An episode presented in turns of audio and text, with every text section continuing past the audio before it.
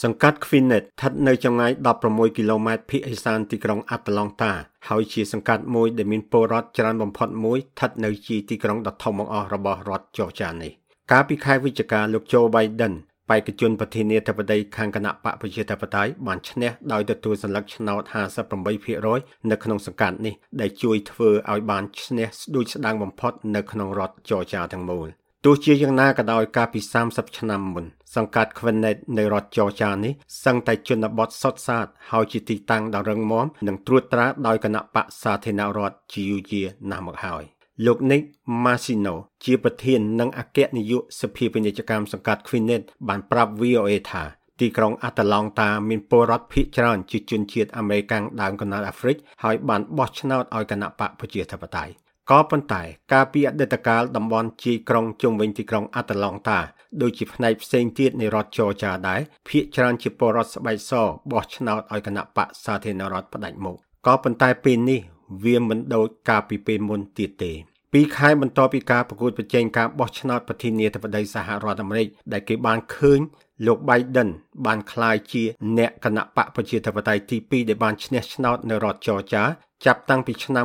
1980មកនោះរដ្ឋនេះនៅតែស្ថិតនៅក្នុងការផ្ដោតការយកចិត្តទុកដាក់ខាងនយោបាយនៅពេលដែលពួកអ្នកបោះឆ្នោតត្រឡប់ទៅកាន់ស្ថានីយបោះឆ្នោតនៅថ្ងៃទី5ខែមករាដើម្បីសម្រេចការប្រកួតប្រជែងការបោះឆ្នោតទាំងពីរដែលនឹងកំណត់ថា តើគណៈបកនយោបាយណាត្រួតត្រាព្រឹទ្ធសភាសហរដ្ឋអាមេរិកនោះសមត្ថភាពរបស់លោក Biden ដើម្បីជំរុញរបៀបវិរៈសភារបស់លោកអាចស្ថិតនៅក្នុងភាពមិនទៀងទាត់ សមាជិកព្រឹទ្ធសភាពីររូបខាងគណៈបកសាធារណរដ្ឋគឺលោក David Perdue និងលោកស្រី Kelly Loeffler កំពុងព្យាយាមការពារដ៏ស្វិតស្វាញទប់ទល់នឹងគូប្រជែងខាងគណៈបកប្រជាធិបតេយ្យដែលបានទទួលថវិកាដ៏ច្រើន គឺលោក John Ossoff និងអាចារ្យ Raphael Warnock នៅក្នុងការបោះឆ្នោតដែលបានមើលឃើញថាបានចំណាយប្រាក់ជាង500លានដុល្លាររួចហើយប្រសិនបើគណៈបកប្រជាធិបតេយ្យកាន់កាប់អាសនៈទាំងពីរនេះ ព្រឹទ្ធសភានឹងត្រូវបែងចែក50ទល់នឹង50រវាងគណៈបកប្រជាធិបតេយ្យនិងគណៈបកសាធារណ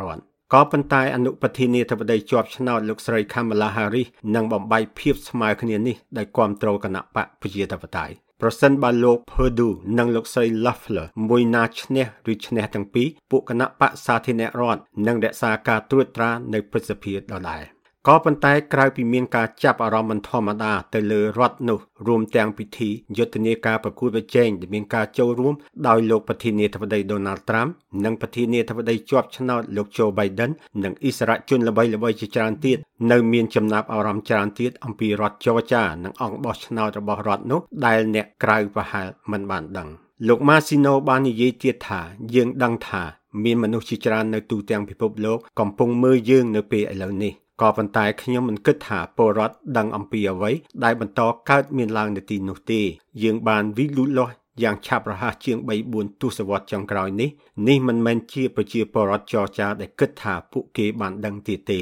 យើងមានភាពចម្រុះជាតិសាសន៍យ៉ាងខ្លាំង មិនមានទីកន្លែងជាច្រើននៅក្នុងពិភពលោកដូចនេះទេ ហើយការនេះអាចមានផលប៉ះពាល់យ៉ាងខ្លាំងលើការបោះឆ្នោតនៅប៉ុន្មានគីឡូម៉ែត្រភាគខាងលិចសង្កាត់ Quinnet គឺសង្កាត់ Cope ដែលជាក្រុងមួយទៀតស្ថិតនៅជាទីក្រុង Atlanta ប្រជាពលរដ្ឋរបស់សង្កាត់នោះត្រូវបានគេរាយការណ៍ថាមានជាង760,000នាក់នៅឆ្នាំ2019មានការកើនឡើងជាង2ដងចាប់តាំងពីឆ្នាំ1990មកហើយដូចជាផ្នែកផ្សេងផ្សេងទៀតនៅជាក្រុងអាតាឡង់តាដែរសង្កាត់នេះបានផ្លាស់ប្ដូរដែលមិននឹកសម័យដល់កាលពី15ឆ្នាំមុន បណ្ឌិត Andrew Pieper ជាសាស្ត្រាជំនួយខាងវិទ្យាសាស្ត្រនយោបាយនៅសាកលវិទ្យាល័យ Kennesaw បានប្រាប់ VOA ថានៅពេលដែលខ្ញុំបានរើទីលំនៅ មកកាន់សង្កាត់ខូបមុនដំបូងនៅឆ្នាំ2017សង្កាត់នេះត្រូវបានគេចាត់ទុកថាជាទីកន្លែងរបស់ពួកសាធារណរដ្ឋអភិរក្សនិយមការផ្លាស់ប្ដូរខាងនយោបាយអាចត្រូវគេមើលឃើញដោយពិនិត្យមើលតំបន់ជាយក្រុងអាត្លង់តា ដែលបានបោះឆ្នោតប្រធានាធិបតីជាង2ទសវត្សរ៍ចុងក្រោយនេះ នៅឆ្នាំ2004ប្រធានាធិបតីកាន់តំណែងខាងគណៈបកសាធារណរដ្ឋលោក George Bush បានផ្ដួលលោក John Kerry គូប្រជែងខាងគណៈបកប្រជាធិបតេយ្យដោយសម្លេង32%នៅក្នុងសង្កាត់ Quinnet 8ឆ្នាំក្រោយមកប្រធានាធិបតីខាងគណៈបកប្រជាធិបតេយ្យលោក Barack Obama បានកម្រិតការមានព្រៀបរបស់គូប្រជែងខាងគណៈបកសាធារណរដ្ឋរបស់លោកធ្លាក់មកនៅត្រឹមតែជាង9%។ ក្នុងឆ្នាំ2016លោកស្រី Hillary Clinton បេក្ខជនខាងគណៈបកប្រជាធិបតេយ្យបានផ្ដួលលោកត្រាំដោយសម្លេងឆ្នោត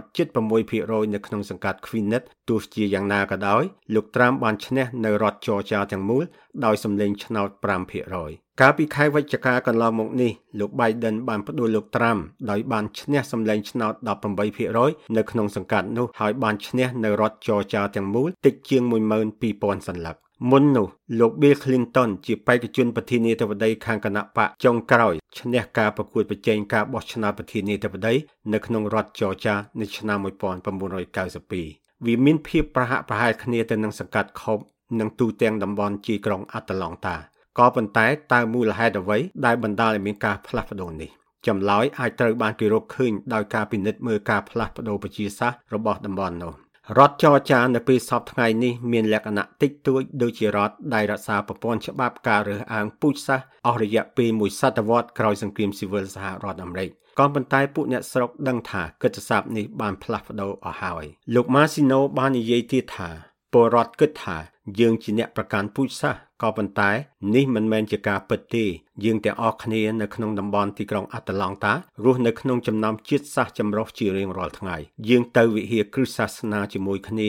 ទៅសាលារៀនជាមួយគ្នា ហើយនឹងទៅធ្វើការជាមួយគ្នា អ្វីអ្វីមានលក្ខណៈខុសប្លែកជាងពួកគេធ្លាប់ជួបប្រទះកាលពីពេលមុន ហើយខ្ញុំគិតថាពួកយើងភាគច្រើនពិតជាផ្ដល់តម្លៃដល់ភាពចម្រុះជាតិសាសន៍នេះតាមលោកម៉ាស៊ីណូនិងមនុស្សផ្សេងទៀតថា មានការផ្លាស់ប្ដូរយ៉ាងលឿននៅពេលដែលទីក្រុងអាត្លង់តាបានប្រុងប្រៀបធ្វើជាម្ចាស់ផ្ទះរៀបចំកីឡាអូឡ িম্প ិកនៅឆ្នាំ1996រដ្ឋចរចាបានខិតខំធ្វើការដើម្បីតាក់ទាញក្រុមហ៊ុនអន្តរជាតិហើយការខំប្រឹងប្រែងនេះបានទទួលលទ្ធផល នៅពេលដែលមានក្រុមហ៊ុនពិភពលោកចំនួន3000នៅក្នុងរដ្ឋចរចាសពថ្ងៃនេះលោកម៉ាស៊ីណូបានបញ្យល់ថា ក្រុមគ្រួសារអន្តោប្រវេសន៍បានចាប់ផ្ដើមកត់សម្គាល់ថាមនុស្សមកពីប្រទេសកំណើតរបស់ពួកគេបានរើទីកន្លែងមកកាន់តំបន់ជាក្រុងអាត្លង់តាហើយថាពួកគេបានទទួលការស្វាគមន៍នៅទីនេះហើយមានការងារគ្រប់គ្រាន់ហើយថាប្រព័ន្ធសាលារៀនក៏ល្អដូច្នេះមនុស្សកាន់តែច្រើនឡើងបានចាប់ផ្ដើមមកទីនេះ តំបន់ទីក្រុងអាត្លង់តាសពថ្ងៃនេះមានជនអន្តោប្រវេសន៍កូរ៉េ51000នាក់និងមនុស្ស4400នាក់មកពីប្រទេសវៀតណាមជនអន្តោប្រវេសន៍មកពីឥណ្ឌាប៉ាគីស្ថាន មានចំនួន31000នាក់ខណៈដែលអ្នកស្រុកតំបន់ទីក្រុងអាត្លង់តាចំនួន13500នាក់មកពីប្រទេសចិនលោកម៉ាស៊ីណូបាននិយាយទៀតថាការគិតពីតំបន់ក្រុងអាត្លង់តា របស់យើងថាជាតំបន់សុទ្ធតែជនស្បែកខ្មៅនិងស្បែកសនោះវាប្រហែលជាការពិតកាលពី30ឆ្នាំមុនក៏ប៉ុន្តែវាលែងមានដូចនេះទៀតហើយយើងមានពលរដ្ឋអាមេរិកាំងដើមកំណើតកូរ៉េធំជាងគេបំផុតលំដាប់ទី4នៅក្នុងតំបន់អាមេរិកខាងជើងតាមសភាពាណិជ្ជកម្មសង្កាត់ Quinnet បានប្រាប់ឲ្យដឹងថា សង្កាត់ Quinnet ដែលមានជនជាតិស្បែកស90%កាលពីឆ្នាំ1990សពថ្ងៃនេះមានតែជនជាតិស្បែកសតែចំនួន30%ប៉ុណ្ណោះហើយចំនួនពលរដ្ឋភាគច្រើនក្នុងសង្កាត់នេះគឺកើតចេញពីជនជាតិភាគតិចជាច្រើនដូចជាជនជាតិស្បែកខ្មៅចំនួន32% Hispanic ចំនួន26%និងជនជាតិអាស៊ីចំនួន12% អ្នកស្រុកម្នាក់ក្នុងចំណោម4នាក់នៅក្នុងសង្កាត់នេះបានកើតនៅខាងក្រៅសហរដ្ឋអាមេរិកហើយភាពចម្រុះជាតិសាសន៍នេះកំពុងកើនឡើងនៅទូទាំងតំបន់ទីក្រុងសូម្បីនៅក្នុងទីក្រុងនានាដូចជាសង្កាត់ Holding ដែលកាលពីឆ្នាំ2018នៅមានជនជាតិស្បែកសចំនួន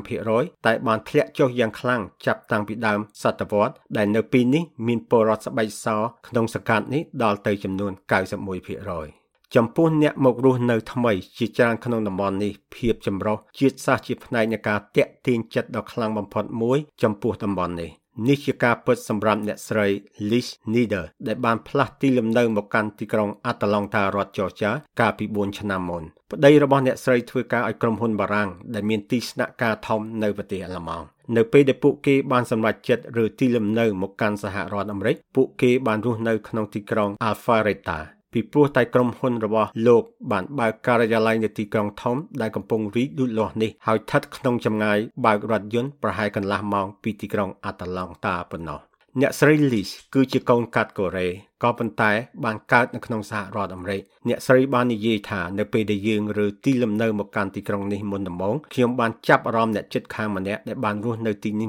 20ឆ្នាំហើយគាត់ជាជនស្បែកស